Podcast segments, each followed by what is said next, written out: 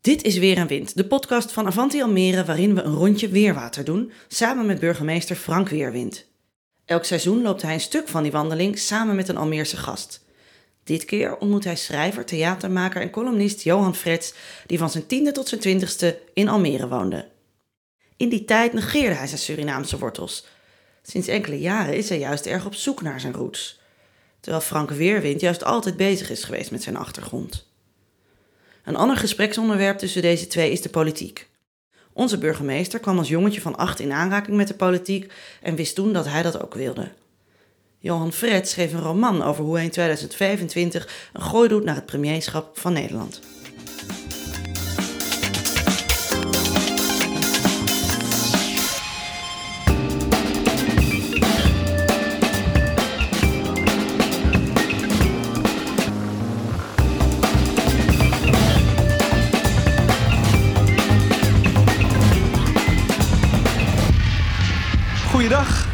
Hoi, Johan. Wat leuk je te ontmoeten. Wederzijds. Heel erg leuk zelfs. Ah. Gek. Kun je de weg vinden? Ja, zeker. Ja, ik, ik heb hier heel lang gewoond. Ik ben van mijn tiende tot mijn twintigste gewoond. Na Dordrecht ben je hier naartoe gekomen. Precies. Ja, ik ik doe een beetje ben mijn huiswerk. hier naartoe gevlucht. Ja, geweldig. En hoe, hoe bevalt het jou om hier eigenlijk te zijn? Of mag ik jou zeggen Ja, trouwens? natuurlijk wel. Oké, jij Ja, bent, de ben burgeme- gewoon Frank. bent de Oh, we burgemeester. begonnen bij die bol. Ja, Oh, we moeten hier beginnen, hè? Misschien kunnen we nog symbolisch We even, naar, de, naar de bol we gaan gaan. even naar hier. We praten even over Almere. Ja, precies. Want dit is, dit, dit is de... Ze hebben ontdekt wie ik ben gewoon. Wat, wat wordt er nou naar je geroepen? Hoor je het? Burgemeester. Oh, burgemeester gewoon. Ja. Oh, ze, kennen wel je titel in ieder geval. Hier. Het is het vak wat ik mocht uitoefenen. Ja, precies. Hier, wat betekent dat nou voor je? Eh, Hier. Hier, Eh, hier is eh, niet meer thuis en toch ook wel thuis. Voor altijd. Want- niet, niet meer thuis. Nou, ik woon nu al 12, 13 jaar in Amsterdam. Maar omdat ik hier eh, toch van tussen mijn tiende en mijn twintigste heb gewoond, wat een hele vormende fase is, voel ik me altijd wel heel thuis als ik in Almere ben. Het is eh, toch een plek waar ik eh, veel heb meegemaakt. Toch de volwassene ben geworden voor een deel die ik nu ben. Zien we je nog terug in Almere? Nou, Om maar- te wonen. Om te wonen, niet zo snel. Dat is het rare. Het, ik voel me er dus wel heel erg thuis en tegelijkertijd... Ja, We zijn nu hier in Almere. we zijn hier in We Almere. gaan lopen. Hoe lang, hoe lang woon jij nu in Almere? Ja, sinds ik hier werk. Meteen de dag dat ik hier geïnstalleerd werd, Ja. dat was 9 september 2015, Ja. woonde ik in Almere. En, en eh, was dat een grote sprong? Want Dat is natuurlijk een onderdeel van je werk als politicus. Nee, nee, nee. Ik vind ook, eh, laten we de stoep nemen, want we gaan zo lekker, nou we kunnen lekker door het gras. Het is een mooi, mooi groen plaatje. Precies. En je moet je voorstellen, eh, ik kom uit Vels. Ja. Ja, daar heb ik gewoond, gewerkt, woon in mijn gezin. Ik heb ervoor gekozen om eh, eh, dit vak uit te oefenen. Ja. En dan kom je uiteraard in je, de plek wonen waar je werkt. Ja. Anders, anders voel je de samenleving niet aan. Nee, tuurlijk. Dat, eh, is het eigenlijk een verplichting ook? Het is een, het is een verplichting. Ja. En je kan alle spelregels erop nalezen. Soms uh, sommigen zeggen van je krijgt een jaar de tijd om je hier dan te vestigen. Ja. Nou, ik kreeg een jaar de tijd. Sommige partijen wilden meteen dat ik er woonde. Ja. Eh, en ik denk, ik zit helemaal niet op die discussie te wachten. Want mijn intentie is om onderdeel uit te maken van de Van- samenleving waar ik, waar ik werk. Uiteraard. Om ja. het te begrijpen op dat, in dit vakgebied. ja, dat snap ik. En, en eh, heb je het idee dat je... Want woon je dan in stad of in haven? Nee, nee, ik woon in Almere buiten. In Almere buiten. Oh, leuk. En, en inmiddels is het natuurlijk echt een grote stad met een heel groot gebied. Heb je het idee dat je in twee jaar eigenlijk al een beetje het DNA van een stad kunt, eh, kunt ervaren, voelen, Nou, weet je, ik, ik heb, bij mijn installatie heb ik ervoor gekozen om één keer in de twee, drie weken Ja. de Almere's thuis te gaan eten. Ik laat Oh, me uitnodigen en ik ga er alleen naartoe. Niet met de staf en bla bla bla, ik ga Nee, er nee. alleen naartoe. Oh, wat goed. Dus de ene keer zit ik bij een bijstandsfamilie eh, en eet ik eh, eten wat ze hebben opgehaald eh, Ja. en, en gekregen hebben bij, hoe heet dat ding? De voedselbank. De voedselbank. En een andere keer zit ik bij puissantrijke Almeres die een Michelin-sterrenkok eh, laten kokerellen. Echt waar? Echt, ik meen het. Ja, echt. En dan, dan maak je ook uiterste mee. Ja. Maar het leuke is, door hun ogen leer je de stad kennen. Ja, precies. De tekortkomingen van de stad, de kwaliteiten van de stad, waarom ze hier naartoe zijn gekomen en wat ze verwachten van de stad. Je hebt het Ja. op microniveau, dat open en eerlijke gesprek. Dat, eh, ik, ik heb ook het idee dat dat, eh, wat, wat ik ervan meekrijg nog als oud-bewoner, je meteen eigenlijk wel heel erg, eh, natuurlijk zei je ook wel eens, heb je wel eens weerstand zoals elke politicus, maar wel behoorlijk omarmd bent over de hele linie. Wat me best moeilijk lijkt in een stad die aan de ene kant een, eh, eigenlijk een prachtige meltingpot is natuurlijk en heel erg in beweging, maar tegelijkertijd ook wel extreme elementen eh, aan beide flanken kent. Klopt, eh, tenminste is mijn ervaring is, het is een warme stad. Ja. Het is een stad eh, met 185 verschillende etniciteiten. Ja. Zo'n 155, 160 verschillende nationaliteiten die hier wonen. Bijna Amsterdam. Ja, nou, het is, het is een internationale stad. Ja, aan het worden dus. Of is het het al? Je bent het. Je bent het. Als ik met jou naar de Evenaar ga en ik laat je de verschillende gebedshuizen zien. Een Ja. hindoe-tempel, een boeddhistentempel, een moskee, een christelijk eh, eh, huis. En dat allemaal op 150, 200 meter van elkaar. Dat is waar. Heb je dat wel eens gezien, die Evenaar? Met die nee, huizen? nee, ik ben, nog niet, ik ben op heel veel plekken op de wereld geweest, maar nog niet De op Evenaar in de- Almere, die heb je nog niet gezien. Nee, Er moet veranderingen komen. Je zal de hele wereld hebben afgereisd, maar Ja, de schoonheid stond soms zo dichtbij. dat is waar. Ja, daar heb je ook gelijk in. Maar het is dus, het, je hebt dus wel het gevoel dat je, dat, dat, dat dus eh, eh, lukt. Op een hele natuurlijke manier. Om die, al die werelden en al die Ik doe mijn vak zoals ik gewoon ben. Verkouden, Ja. toch nog even op die grens tussen Ja, goed. en je- Ik moet toch altijd wennen aan dit klimaat. ja, toch, als we, we zijn toch Surinamers ook ergens, hè? En dan ben ik geboren in Amsterdam. Ja, precies. En ik in uh, Dordrecht. Door, dichter bij Dordt, Rotterdam. Rotter het woord is de slogan. Ja. Maar wat is de, wat is de slogan Almere is ook niet per se altijd even goed. Stond het nog steeds het kan in Almere? Eh, en ik zeg, het gebeurt in Almere. Oké. Ja, het is inmiddels, vroeger was het het kan, het kan Ja, en nu is het het gebeurd. Het klopt hoor. Nee, het is nog steeds, het kan. Ik krijg meteen heel marketing over me heen. ja. Ja, je moet, je moet op je woorden letten natuurlijk. Dat is voor mij geldt wat minder, maar voor... Ja, maar je moet op je woorden letten. Ik wil eerlijk en authentiek zijn. Ja, dat. En, en niet gevormd worden door eh, wat je moet doen. Of wat je moet doen omdat je burgemeester bent. Nee. Ergens ben ik ook een rimpeling in de vijver, in de politiek bestuurlijke vijver. Ja. Dus je moet je niet groter maken dan dat je bent. Nee, maar Zullen, is... zullen we oh van het water gaan tuurlijk. genieten? Ja, absoluut. Leuk. Maar je noemt het dus een internationale stad. Ja. Ik heb het het New York van de polder genoemd. New York van de polder. Nou, het is wel zo dat als ik, eh, eh, ik... Ik rijd natuurlijk... Mijn ouders wonen in Almere Haven. En als ik dan van het station met de bus 1 eh, naar, langs het oor rijd, dan is inmiddels die skyline, dat is wel wat geworden. Dat was eh 15, eh, 20 jaar geleden natuurlijk nog niet zo.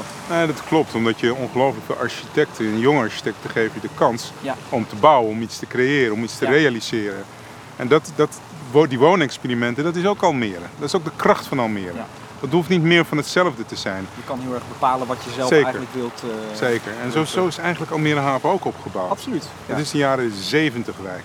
Ja. Hè, eerste dat inwoners. zie je ook wel. Het, eh, Ongelooflijk, maar daar, daar zullen we ook heel veel vernieuwingen moeten doen en veranderingen moeten doen en gestaag in de inwoners meenemen.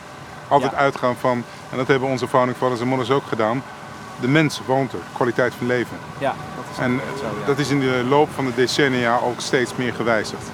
gewijzigd ook in de zin van eh, dat je denkt dat het verouderd is? Of is het gewoon iets wat, mee, is- wat gewoon, bedoel je dan meebewogen? Evolueert, Ja. ontwikkelt, krijgt weer nieuwe inzichten. En nieuwe, nieuwe modieuze verschijnselen. Mijn ouders wonen in eh, de, wonen nu niet meer daar, maar die woonden in de, waar ik dus ben in Almere ben opgegroeid in de schoolwerf. Dus in de echt allereerste huizen. Als je vroeger de, de beelden ziet, Ja. zie je eigenlijk eh, een, za- een zandvlakte met een paar hofjes. En daar woonden wij. Nou, toen was het natuurlijk al wel eh, veel meer omheen gebouwd. Maar eh, het is altijd wel grappig dat ik dus gewoond heb op echt waar de stad is begonnen. Het allerbegin van deze stad. Schitterend. Ja, maar wel echt ook een beetje lelijk natuurlijk. De jaren zeventig eh, Ja, nee, het- het- het- heeft zijn charme. nee ik, ga, ik ga het niet mooi praten, want ik, eh, ik, ik weet wat je bedoelt. Sommigen zullen er hilarisch van worden en vinden het prachtig en anderen vinden het niet mooi. Het is, ik heb altijd het idee dat het toch een beetje een, een, een, dwaallichtachtige periode was in de architectuur, de jaren zeventig. Nee, die architecten hadden een bepaald mensbeeld, die hadden een bepaald idee. Ik ben laatst in, god hoe heet dat plaatsje, eh, ergens in de Noordoostpolder geweest en daar zie je de zogenaamde Delftse school. Ja. Zie je huizen dat je denkt, my god, wat, gebe- wat is er hier gebeurd? En dan hoor je de filosofie van de architect en als je die hoort dan denk je, oh ja, zo zit hij in elkaar. Ja, precies. Maar je hebt die uitleg nodig, want ja, ik kijk er met een lekenoog naar. Ja, ja, tuurlijk. Nee, dat is ook zo. Nee, de- je, je, je voelt ook wel ergens de, de bijna eh, hippie, woongroepachtige sfeer van de jaren zeventig. En waar. tegelijkertijd... eh, En, en de mensen die er wonen, die zijn, ehm, als ik ze spreek, eh, soms heel gelukkig met, met hun plekje, met hun dorpje. Hun dorpje Ja. Almere Haven. Ja, maar mijn ouders ook hoor. Die, eh, vinden, die zouden echt niet anders meer willen. Terwijl die ook echt uit, uit, de, st- uit de stad komen, zeg maar. Ja, dit is inmiddels ook een stad natuurlijk. Maar Almere Haven voelt toch nog meer als, als een onveranderde plek. Als ik in Almere Haven ben, heb ik niet het gevoel dat, eh, dat de stad is gegroeid. Snap je dan? Het voelt, dat eh, voelt heel rustig nog steeds. En als het thuis waar ik ben opgegroeid. Mooi. En je eerste boek schrijf je in 2025. Neem je ons mee daar naartoe. Ja, Dan ben je de minister-president van dit land. ik heb het boek niet gelezen. nee, dat is niet erg. Ja, eh, hoe kom je in hemelsnaam op het plot? Waarom dat plot? En wat Nou- heeft dat in hemelsnaam met identiteit te maken? Neem eens mee. Ehm, nou, dat heeft misschien niet eens zoveel met identiteit te maken. Behalve dat je zou kunnen zeggen dat natuurlijk alles uiteindelijk wat je vormt, eh, je identiteit vormt. Maar die is dus ook heel bewegelijk. Maar in de, in de basis was het dat eh, ik eh, kwam van school af, van de toneelschool in Kleinkunstacademie, met het idee om cabaretier te worden. En ik was ook altijd heel erg bezig met politiek, maar zag dat eigenlijk als twee verschillende werelden. En toen eh, trad kabinet Rutte 1 aan en was er een grote demonstratie op de kunstbezuinigingen. En daar werd eigenlijk eh, door mijn oud schoolgenoten, ik was dus net afgestudeerd, gezegd van nou we gaan naar, naar die dem- demonstratie tegen die kunstbezuinigingen. En ik zei eigenlijk, ik vind het altijd zo raar dat eh, wij best wel naar binnen gekeerd zijn als kunstwereld. Hè. Het is, op, school wisten soms mensen niet eens wie de minister van Buitenlandse Zaken was. Maar als dan de subsidiekraan wordt dichtgedraaid, ging iedereen wel naar het Malieveld om te demonstreren. En tegelijkertijd vond ik dat het heel, ehm, hoe zal ik het zeggen, onwijs gebeurde. Eh, dus toen zei ze van, nou wil jij niet morgen spreken? Want ik, eh, eh, dat, dat, eh, dat, kan, dat kan je, dus vind je dat niet leuk om te doen? We hebben nog geen spreker. Toen heb ik die nacht een speech geschreven. En de volgende dag stond ik op een zeepkist voor een paar duizend mensen op het Malieveld te speechen. En dat landde toen heel goed. En toen kwam er een Engelsman naar mij toe na afloop en die zei: I didn't understand a fucking word of what you said, but you should run for president someday. Dus die, die had het gevoel dat er wat gebeurde. En de, de, weken daarna werd ik gevraagd door allemaal eh, politieke clubjes. En wil- je, wil je niet de politiek in? En toen heb ik een manifest geschreven over die kunstbezuinigingen. En daarna dacht ik eigenlijk, wat een grappig idee eigenlijk. Ik wil niet de politiek in, maar ik wil wel iets zeggen over politiek. En ik vind eigenlijk dat het vaak ontbreekt aan echt verhalenvertellers. Eh, wat nou als ik dat, dat verhaal zelf maak, als een soort gedachte-experiment. En dat is dat boek geworden. En een speech die ik gaf met een gitaar eronder, heel theatraal. En dat ging eigenlijk over verbeelding aan de macht. Eigenlijk een, bijna een echo van 68 generatie. En eh, dat werd toen heel erg opgepikt door de media. En dat, ontplofte eigenlijk toen. Dusdanig dat het gedachte-experiment eh, als feit werd opgemerkt. En me meesleurde in een wereld waarbij ik misschien voor een 1 tot 5 procent van wat je als politicus meemaakt heb ervaren hoe het is om beoordeeld te worden als politicus. Wat mij meesleurde in iets waar ik eigenlijk helemaal niet op zat te wachten. En toen ben ik ook weer rigoureus mee gestopt. Maar achteraf kan ik er ook wel de humor en de eh, waarde van zien. Want het, het, het deed dus wel iets. Het verwarde, het, het maakt iets los. Meen je het nou echt? En maar wat hebben we dan aan woorden en verhalen? Eh, als je niet weet wat je aan begrotingskort gaat doen, wat moeten we dan met, met jouw praatjes over verbeelding? Terwijl ik vind juist dat die waarden ook belangrijk zijn. Maar ik had gaandeweg dat project ook wel door van... Oh, volgens mij ben ik nog te jong en is het, blijft het nu nog te veel steken in platitudes. De aanzet, de drang is goed, maar wil je dat vullen, dan, dan moet je hier niet in blijven hangen, want dan wordt het een gimmick. En toen heb ik het eigenlijk weer losgelaten en de luwte opgezocht om te zoeken naar nieuwe verhalen en, en verdieping eh, op te zoeken. Mooi.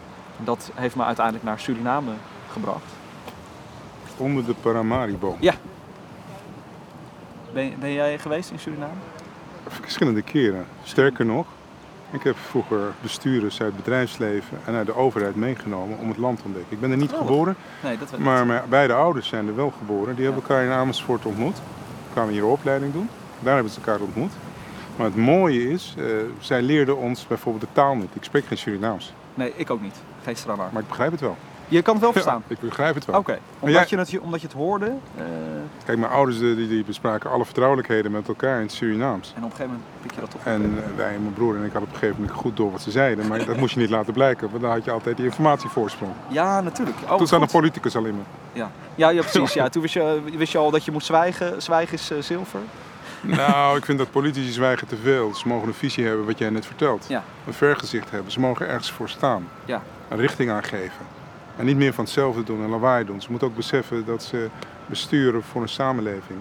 Voor inwoners, ondernemers. En daar moet je gewoon over nadenken van het algemeen belang. Wat wil je bereiken met die stad? Waar wil je naartoe? Denk je dat... Een stad eh, heeft ook een identiteit. Dat is waar, maar denk je dat het daarin eh, wel meespeelt? Eh, ik, ik vraag me soms oprecht af of onze wortelen, voor, voor mij de helft van waar ik vandaan kom, voor jou, ja ook de helft denk ik, voelt het misschien zo, omdat je wel ook in Nederland geboren en geworteld bent. Maar of dat meespeelt in eh, misschien eh, dat dat verlangen wat groter is naar het vertellen van een verhaal. Omdat de, de verhalencultuur eh, in heel veel landen zu- met zuidelijker temperamenten natuurlijk veel belangrijker is dan in Nederland, waar we zeggen van manage nou maar gewoon die shit goed. Maar dit, kijk, dat is het westen. Dat is het westen van Nederland. Als ik naar het oosten van Nederland ga, ik ga naar de Achterhoek. Ja. Ja, ik maak daar een totaal andere cultuur mee van verhalenvertellers. Ja, dat is ook waar. en en eh, als ik naar het zuiden ga, Zuid-Limburg, Brabant, ja, en er worden verhalen verteld over de bokkenrijders, dan denk ik bij mezelf, ja, dit, dit zijn ook verhalen van Zeker, de volksaard. absoluut. En dat we hier in het Westen ongelooflijk veel haast hebben om te leven. Dat onze eigen geest niet meer weet waar ons lichaam is. Ja. Dat is een keuze die we gemaakt hebben. Ja. Ja, we zijn continu bezig met eh, het goede leven. En wat goed is, hebben we niet gedefinieerd. Ja, precies.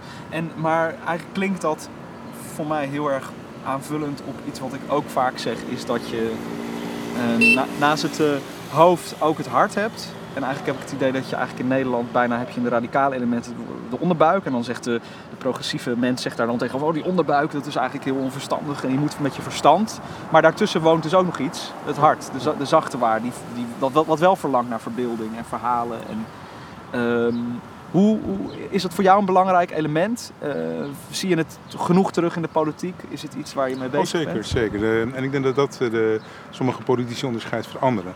Die het met bezieling doen, die ergens in geloven. Die het doen vanuit eh, een, een innerlijke kracht en een rust en een liefde voor hun samenleving waar ze voor willen staan. Ja. En dan heb ik het niet over ideeën, want dat boeit me niet of het nou een linkse of Nee, precies. ideeën Het gaat zijn. niet over de, beleidsmatige ideeën. Het Nee, gaat over de- gaat de, inborst. De, betrokkenheid bij, het, bij hetgeen waar ze voor staan. Ja. En daar het gesprek over voeren en naar elkaar willen luisteren. De dialoog continu op gang houden. Dat brengt je verder. Niet een, een vaststaand pad, hè, de befaamde axioma's van zo is het, deze vaststaande waarheid, daar leef ik naar. Nee. Dan sta je stil. Ja. En dat vind ik zo jammer. Als je altijd denkt van ik heb gelijk en dit is de waarheid. Ja. Wat Nou, weet je nou van de waarheid? Is, is dat ook een beetje misschien D66 eigenlijk zo nog een stuk... eh, ja, prima. We lopen langs het weerwater en het water eh volgt Ja, op dit is, eh, ik heb hier vele rondjes gewandeld, moet ik zeggen.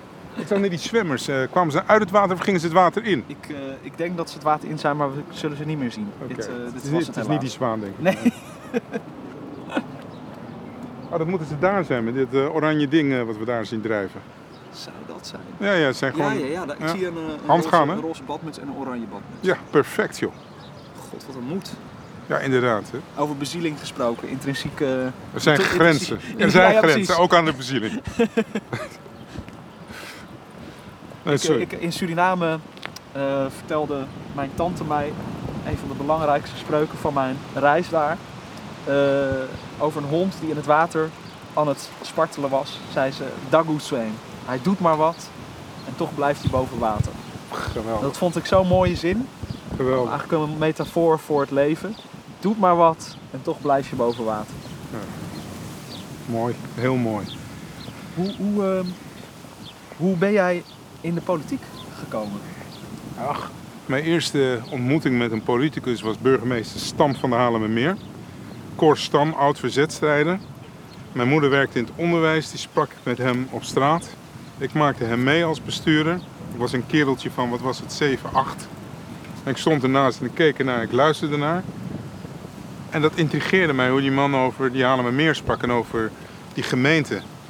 En dat heeft me altijd wel op de achtergro- achter, in mijn achterhoofd gehouden van, hé, hey, hier wil ik meer mee. En Hoe oud was je toen? toen dit- 7, 8. 7, 8. Oké, dus eh, toen heb je dat al bewust opgeslagen? Ja, en ik kom niet uit de bestuurdersnest hoor, helemaal niet. Ik heb alles zelf moeten uitvinden. Ja, oh, wauw. En dat is ook leuk, dan blijf je oorspronkelijk en authentiek en dan maak je een hoop fouten. Maar als je de bereidheid hebt om ervan te leren, is er niks aan de hand. Ja, wordt dat, eh, eh, het is natuurlijk een, wordt een beetje gezegd, politiek eh, is zo'n ondankbaar vak. Want je, wordt, je, je ligt onder een vergrootglas en mensen vinden het toch nooit goed. Is dat een mythe? Als mensen dat vinden, dan moeten ze eruit stappen. Eh, je moet werk, uit je werk energie halen en plezier hebben in je werk. Eh, ook als politicus, ook als politiek bestuurder. Ja. Het is prachtig om iets te mogen doen. En als je bezig bent met, in een gemeente en je bent bezig met een wijk, een woonwijk, dan zie je het ook gebeuren, zie je het ook realiseren. Zie je ook die Ja. eerste inwoners die erin trekken. Eh, dat is het mooie als je met senioren praat en je kan iets voor ze betekenen. Even dat gesprek. Ja. Eh, koninklijke onderscheiding uitreiken. Ben je niet alleen de persoon aan het huldigen namens eh, de koning, maar ook de achterban erachter. Je laat ook zien Ja, hoe ja, belangrijk je vrijwilligers vindt. Dus je voelt het direct, je merkt het direct. Dat is het mooie van dit werk. En is dat, hangt dat deels ook samen met het feit dat je kiest voor politiek in een stad. Waar, je, waar het contact zo direct is. Ja. Waar, waarvan men ook zegt burgemeesters zijn eigenlijk de, de, de, de- echt de politici van deze tijd. Omdat we de, door de globalisering de wereld steeds minder begrijpen. Zoeken we de, het houvast steeds lokaler. Je kijkt door die globalisering. Het zijn mensen die de globalisering invulling geven. En als Ja. je mensen wilt zien en wilt begrijpen, dan kan je het zien. Ja, die globalisering Ja, is iets wat we ik groot hebben gemaakt, hebben uitgevonden. Je kan praten over glokalisering. Dan is de lokalisering die globaal is, die door de wereld wordt beïnvloed. Ja, Want als ja, ja, ja, ja, precies. Zeker Dus, in een grote stad als Almere. Ja. Ja, als er een forse aanslag is, bijvoorbeeld in Parijs, dan herdenken we dat ook hier in Almere. Ja, dat is Want we beseffen dat we ook kwetsbaar zijn als grote stad. Ja. In de tussentijd zijn we de zevende stad van het land. Rondje weerwater. Zeker. Gaan we langs het weerwater. Het zandpad op. Dit is eh, Dit voelt toch als Suriname, een zandpad. zeker, zeker. Oh man. Hoe was het eten daar? Heerlijk. Ja, echt, ja, dat heb ik natuurlijk wel mee opgegroeid. Maar verder wilde ik er eigenlijk nooit zoveel van weten van Suriname. Maar dat het eten en de familiefeesten en die warmte heb ik natuurlijk wel meegekregen. En in Suriname vond ik het vooral op blauwgrond Ach ja. goddelijk. Ja, en je hoe De gado gado. ja mijn eerste, Oh. aan, eh, eerste contact met Blauwgrond was rondom middernacht dat iemand zei: Kom, we gaan eten. Dat, ik denk: We gaan eten, we gaan slapen. Ja, dan begint het pas. Ik zit in een ander systeem, dacht Ja. ik. Ik ben toch meegegaan, nieuwsgierig als ik ben. En toen word je meegenomen naar Blauwgrond. En dan zie je, men, zie je het hartstikke druk. Er wordt gekookt, je kan zien waar er gekookt wordt. Ja. En het eten is fantastisch, is Echt? vers, is Oh perfect. Ik, ik, ik zou het, nu al heb ik er alweer zin in. Dan proef je het, hè, als het ware. De chill of die gado gado. Ja. En de rotti van het Chrisje. Och ja. De, de rijst bij de Gadri met kip. Heerlijk. Maar ja, goed, op, inmiddels is er natuurlijk ook behoorlijk wat goed Surinaams eten in Nederland, toch? Was dat, is dat altijd zo geweest? Of is, heeft dat wel een beetje... Ja, Naar mijn idee wel. Kijk, eh, je kom... kreeg, kreeg je thuis veel Surinaams eten? Of? Nee, niet. Want de mythe was, eh, we, we zitten hier in Nederland, dus eh, mijn moeder is niet een keukenprinses. Althans, dat wil ze niet zijn. En die had gewoon een baan naast mijn vader. Dus bij ons was het aardappel. thuis eh, Hollandse kost. Ja, bij mij ook trouwens veel hoor. Mijn vader kookte namelijk altijd. Mijn moeder kookte alleen maar rotti als er bezoek was. Kijk. Dus dan dacht iedereen, dat, oh zo geweldig, die moeder van jou. maar de- uiteindelijk kreeg ik het dus bijna nooit. ik kreeg het vooral als er mensen, als er andere mensen kwamen. Dan kan je het zelf ook maken. Nee. Wordt nu wel eens tijd eigenlijk misschien. Maar waarom? Waarom? Waarom het tijd wordt? Ja. Of, ja, dat is toch fijn. Het is zo lekker. Het is, ja, misschien, ik, ik, ik heb ook het idee dat, dat al dat soort dingen, die... eh, ik, ik vind het nu verbazingwekkend dat als, als we, elkaar drie jaar geleden hadden gesproken, dan had ik waarschijnlijk gedacht, goh wat leuk, deze meneer heeft Surinaamse roots. Maar dan helemaal niet het gevoel gehad, ik heb die ook. Mhm. En nu eh, ben ik niet opeens minder Hollands geworden. eh, maar ik heb wel die andere kant ook omarmd. Dus die bestaat nu. En daardoor zijn dit soort dingen zoals van het eten tot de cultuur tot aan ook de nieuwsgierigheid naar hoe, jij dat hebt ervaren of hoe, hoe andere mensen met die wortel dat ervaren. Dat, die, dat is, dat, die blik is opeens open gegaan daarvoor. Dat is mooi. Is heeft het je op de een of andere manier completer gemaakt? Ja, Meer in evenwicht? Absoluut. Ja, en ik denk dat dat, dat is altijd moeilijk aanwijsbaar in hoeverre. Ik ben ook 32 nu, dus allicht is het ook een leeftijd waarop je wat meer rust vindt en wat meer weet wie je bent sowieso. Maar dat had ook niet compleet kunnen zijn zonder die ervaring. Want hoe kun je compleet zijn wie je bent als je zo'n wezenlijk deel wegduwt? En het, het heeft mij met name gegeven, en dat, dat is eigenlijk ook wat, wat de onderstroom in het boek is, dat ik, me, dat ik onbewust soms, eh, de manier waarop ik met mijn handen praat, of de, de warmte die ik zoek, of de fantasie eh, in verhalen, of dus een bepaalde zachtheid, of hoe je met elkaar omgaat, dat ik daar soms wel eens van kon denken van, oh god, dat, dat, dat, is niet, dat moet niet zo. Je moet je armen langs je lijf plakken. Maar wie legt dat op? Ja, niemand. Eh, maar het is, je, je kunt wel zeggen dat je in een redelijk eh, rationeel gedreven en eh, nuchtere cultuur bent grootgebracht. En dat is ook een onderdeel van mij. Maar dat bepaalde elementen die lyrischer zijn. Hoe een Suriname... Ik bedoel, mijn oom die ik daar ontmoette, die weduwnaar was geworden, die zei over zijn vrouw... Ik wou dat ik haar graf was, zodat ik haar voor altijd kon blijven Oh, omhelzen. prachtig, prachtig. Ja, maar hoe ze de taal Prachtig. spreken, ik Ja. bedoel, de, de lyriek, de, en zonder dat mensen denken, nou doe maar even normaal. Dat is natuurlijk wel iets wat je daar heel erg ziet. Ja, maar En met alle respect, als ik naar België ga, is dat ook al? Precies. Dat, nee, daar heb je gelijk als, in. ik- Als ik de rijkdom hoor van het vocabulaire die zij bezigen ten opzichte van onze korte botte zinnen. Ze houden meer van onze taal dan wij eigenlijk. eigenlijk wel. Dat is waar. Eigenlijk wel. Maar ge- gelukkig spreek ik ook Nederlanders die schitterend taalgebruik hebben. Dat ik denk, oh ja, dat woord hebben we ook nog. Dat we het kunnen gebruiken. Nee, absoluut. Dat is, daar, heb je helemaal gelijk. Nee, dus het is ook niet zo zwart-wit van... Nee, oh, nee, nee, nee, nee, zijn maar ik ben, ik ben het in de regel met je eens hoor, met je analyse. Helemaal. Volstrekt. Dat we altijd zakelijk, rationeel bezig zijn, terwijl er veel meer is. Dat hart waar je over sprak. Ja, maar ik, ik merk dat heel erg, dus ook in de interviews die ik met jou lees, dat dat bij jou erin zit. En ik, eh, ik eh, zonder natuurlijk, want je bent ook, ik, ik snap ook, je kan daar niet, je, je, gaat, je, hoeft je eigen partij daar niet in af te vallen. Maar vind je niet, ik heb altijd het gevoel dat D66 is voor mij dat, want dat is jouw partij toch? Ja, ja, ik ben nog steeds Ja. D66. Dat, Ik dat twijfel niet. nee, nee, precies. Nee, maar ik bedoel, dat, dat, dat is voor mij de partij die ik vroeger ook altijd bewonderde. Hans van Mierlo. eh, Zeker. Langs de grachten met die, met die jas en die kraag. En eh, ook wat jij zegt over die inborst, die, dat intrinsieke, eh, die intrinsieke betrokkenheid. Dat het niet alleen maar gaat over de wet en de regeltjes en de belastinghervorming en dat soort dingen. Dat is wel iets wat ik een beetje mis bij D66 de laatste jaren, landelijk met name. Ja, het eh, spijt me dat je dat zegt. Eh, ik begrijp je wel. Ik Ja. begrijp je helaas wel. En ik, ga me, ik vind ook eh, D66 sociaal-liberalen. Ik heb voor die partij gekozen omdat ik gewoon geloof in de kwaliteit van ieder individu. Ik geef ieder individu ook optimale vrijheid. Ja. Ik hou niet van normen opleggen en bepalen voor de ander of voor de ander gaan denken of, Nee. of te veel voor de ander zorgen. Je mag Ja. uitgaan van iemands individuele kracht en kwaliteiten. Ja. Maar er zijn in dit land glazen plafonds. Er zijn in dit land ook redenen waardoor iemand in een probleemcyclus komt terwijl zijn intellectuele kwaliteiten hem, ver, hem of haar verder kunnen brengen. Ja. En dan moeten we er ook zijn. Ja. Dan moeten we er ook zijn voor een stuk zorg, moeten we ook zijn voor een stuk onderwijs. Ja. Dat is die sociale component. Die twee combineer ik bij elkaar. Ja, mensen moet je ook boven zichzelf uit laten stijgen om hun kwaliteiten tot recht te laten komen. Ja, precies. Ja, en daar mag je ze best af en toe een duw in de rug geven. Je moet ze niet gaan betuttelen, Nee, nee, want ik hou niet van het matriarchale of patriarchale. Nee. Vrij laten, ruimte geven, Ja. op je poten zetten en maak er iets van. Zo ver wil ik wel gaan.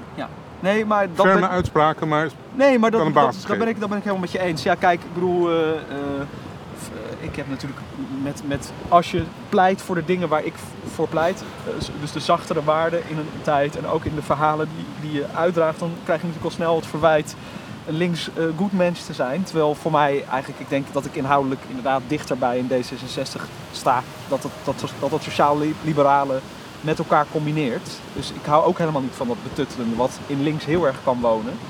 Kijk, ik kom nu net terug uit Libanon. Ik ben daar naar vluchtelingenkampen geweest. Oh wauw, met een delegatie van de stad of van uit Eh, persoonlijke... nee, nee, nee, puur vanuit. eh, wij zetten Almeerse ambtenaren in, in Libanon. En dat wordt 100% bekostigd door buitenlandse zaken. Oké, Helemaal. We doen dat omdat het rijksbeleid is eh, opvang in de regio.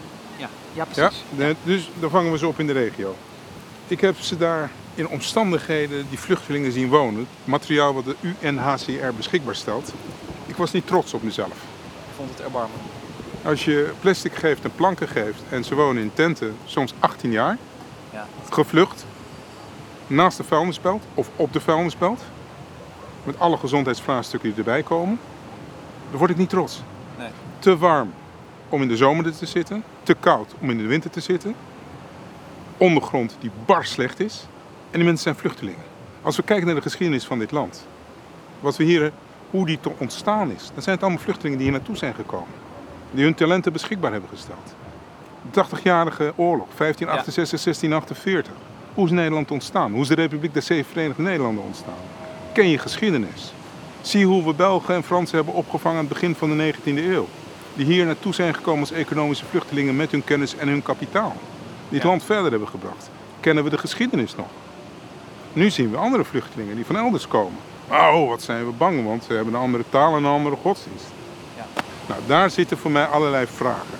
Ik heb de Anton de Kom-lezing mogen doen in het Ja. Verzetsmuseum. Daar heb ik toen over gesproken, want het is een verwonderpunt bij mij. Het is Ja, een, echt een verwonderpunt.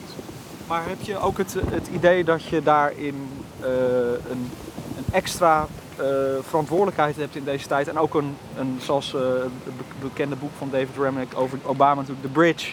De brug, om een brug te kunnen zijn? Of denk je van nou, het, dat, die extra verantwoordelijkheid ga, heb ik niet als iemand met Weet je, ik, meerdere werelden in. ik, ik besef met donders goed in wat voor stad ik mag werken en waar ik sta. En eh, dat er net zo goed als het kabinet, dit kabinet, zeldzaam bleek is.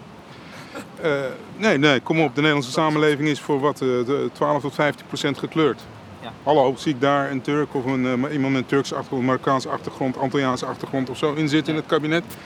Hebben die geen talenten? Zijn die niet goed opgeleid? Hebben die niet geen bestuurlijke ervaring? Zijn wel degelijk te vinden. Kom, kom, partijen, doe je best. Ja, dat is zo. Doe eens een goede afspiegeling van de Nederlandse samenleving. Het is wel ons, ons nationale bestuur.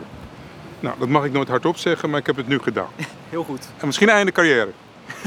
ja? Of het, be- of het begin van een landelijke, van de, van een landelijke eh, carrière. Kijk, ik ben helemaal niet zo eh, gericht alleen maar op kleur. Ik ben meer gericht op kwaliteit. Ja. Dat moet het criterium zijn.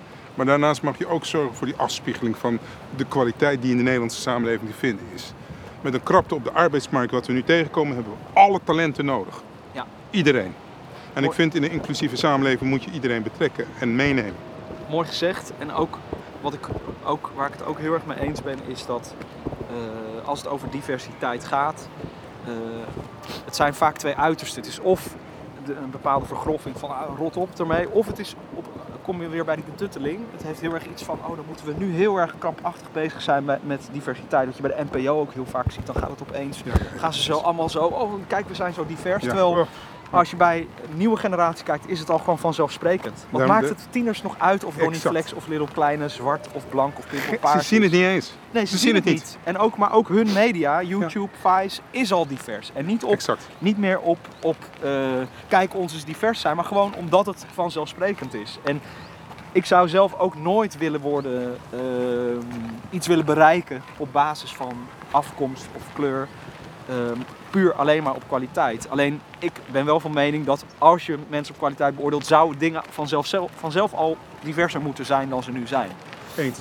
En, Eens, eh, eens, eens. Helemaal met je eens. maar heb je ermee te maken? Heb je bijvoorbeeld met je benoeming in zo'n stad als hier, waar toch ook de PVV groot is, maar tegelijkertijd een meltingpot is, dat dat een, heeft het een rol ges- gespeeld? Niet in je benoeming, maar dus in, is dat een mijnveld? Heb je daar eh, Nee, geen zin. Geen op geen enkele manier? Nee, en dat geldt dus de credits die ik alle partijen, echt ook alle partijen geef. Men beoordeelt me op de persoon die ik ben en waar ik voor sta bestuurlijk. Ja. Dat vind ik ook de kracht van Almere. Fijn. Dat vind ik ook, ook wel hoopgevend. Want ik, ik las inderdaad ook dat ook de PVV heel, was eigenlijk heel enthousiast over je benoeming. En toen dacht ik van, oh ja, het is natuurlijk, we kijken er vanuit ons landelijk perspectief natuurlijk ook heel erg eh, naar, het het vallen heel erg voor het frame van de polarisatie. En voor een deel is het ook zo. Maar als ik dat soort verhalen hoor, heb ik toch het idee van, nou wat fijn dat een, een, eh, jij als burgemeester in deze stad eh, brede steun geniet. Dat is, Nee, dat is ook hoopgevend voor een- waar we naartoe gaan. En sterker nog, ehm, kijk, vaak wordt de PVV continu genoemd. Maar als ik puur naar de PVV ook luister, ze vertegenwoordigen wel degelijk een groot electoraat. En ze, ze doen er ook toe, ze hebben ook een mening. En dat kan je wel negeren en naast je neerleggen, maar er zit een wereld achter. Ja. Hoor ook die wereld en luister er ook naar. Ja. Ja, en eh, voer dan goed, goed debat over de inhoud. Ja. Ja, in plaats van alleen maar schreeuwen over de emotie. Want dat is de PVV, dus daar discussieer ik niet mee. Dat is niet Nee, juist. precies. Gaat niet op. Je hebt toch een koers, je hebt toch een mening, je hebt toch een richting, je hebt ergens over nagedacht. En Ga wordt dan- dat ook gewaardeerd? Als je, want je, praat, je spreekt dus veel Almeerders, dus je zult ook Almeerders spreken die meer in die hoek eh, Nou zitten. ja, als ik, het komt ook voor dat ik word uitgenodigd door een echt PVV-gezin om te gaan eten. Nou, dat is reuze gezellig, Ja. kan ik je vertellen. Ja, dat geloof ik. En dan gaan we denkbeelden over tafel, er is helemaal niks mis mee. Ik heb mijn denkbeelden, zij. En vaak Ja. gaan we respectvol uit elkaar. Gaan we... eh, We gaan rechtdoor, we gaan het smalle bruggetje over. Ik kijk af en toe naar de regie. Heel belangrijk. Ik ben ook niet zo, eh, ik kan verdwalen op een parkeerplaats, dat is ook een Oh, kwaliteit voor mij.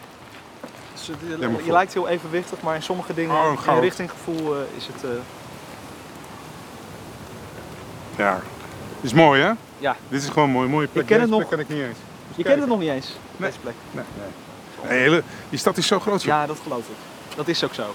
Nee, ik ken deze plek vooral goed omdat vroeger eh, gingen wij altijd eh, met onze vriendengroep. We waren niet van die mensen die dan naar Danscafé eindelijk gingen of naar, naar de, de Bordeaux. Wij, wij gingen gewoon naar, het film, naar, de, naar de film. We maakten ook films. En, we- en dan gingen we s'avonds wandelen hier. En dan gingen we een beetje blowen of een beetje, een beetje, een, beetje eh, een biertje drinken. Hoewel ik te- eh, oprecht in die tijd zo braaf was dat ik eigenlijk vooral de enige was die cola dronk en niet blowde. Oh, oké. Nou, dat schept een band, want dat heb ik ook nog nooit gedaan. Heel truttig misschien, maar Nee, nou ja, goed. Dat is, eh, dat is, dat is bij mij trouwens nog wel goed gekomen toen ik naar Amsterdam verhuisde. Maar, eh, of goed gekomen is misschien niet de goede bewoording. Maar nee, ik ken deze plek dus heel goed als de Kijk plek eh. waar, je, waar ik nog vaak ook aan refereer. Eh, eh, er was misschien niet zoveel, maar de, de leegte dwong je ook op een bepaalde manier om je verbeelding te gebruiken. Mooi, heel mooi. Je bent echt een schrijver, hè? Je, hebt, je, je houdt van taal. Ik hou Je van taal. spelen van taal, Ja. met taal. Mooi.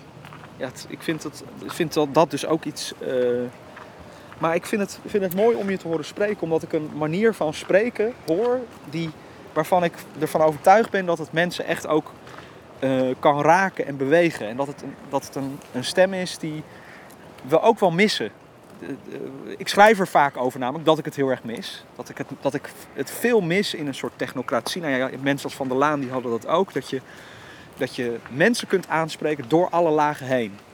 En dat ehm, heb je dan niet ook het gevoel wel eens als je naar de landelijke politiek kijkt van... Goh, ooit misschien ook daar een rol in spelen? Nee, eh, ik, ik volg de landelijke politiek. Ik eh, praat veel met landelijke politici. Eh, ik mocht laatst nog eh, in het... Kijk eens. Kijk. Het laatste deuntje. Wat mooi is dit, hè?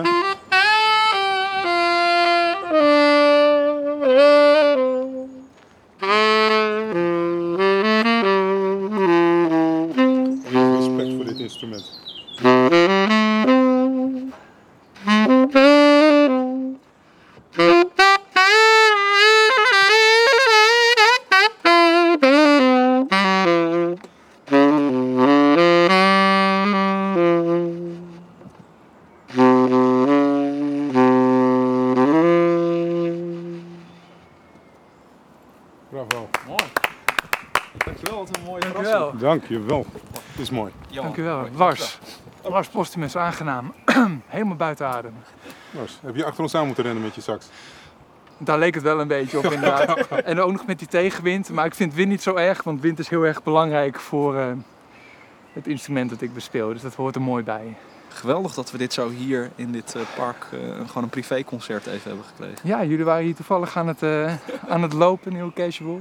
Ja, nee, we zijn eh, een gesprek aan het voeren voor een, een podcast waar de burgemeester met verschillende mensen langs het weerwater loopt en praat over, over de stad, over verschillende thema's. En jij was hier toevallig saxofoon aan het spelen? Heel toevallig. Heel toevallig. Heel toevallig.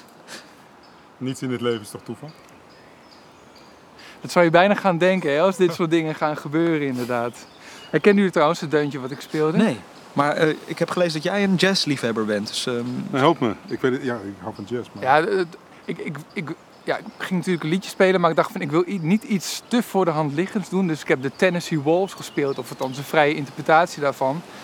Eigenlijk een country liedje van eind jaren 40, wat door heel veel ook eh, soul- en jazzartiesten ook is vertolkt.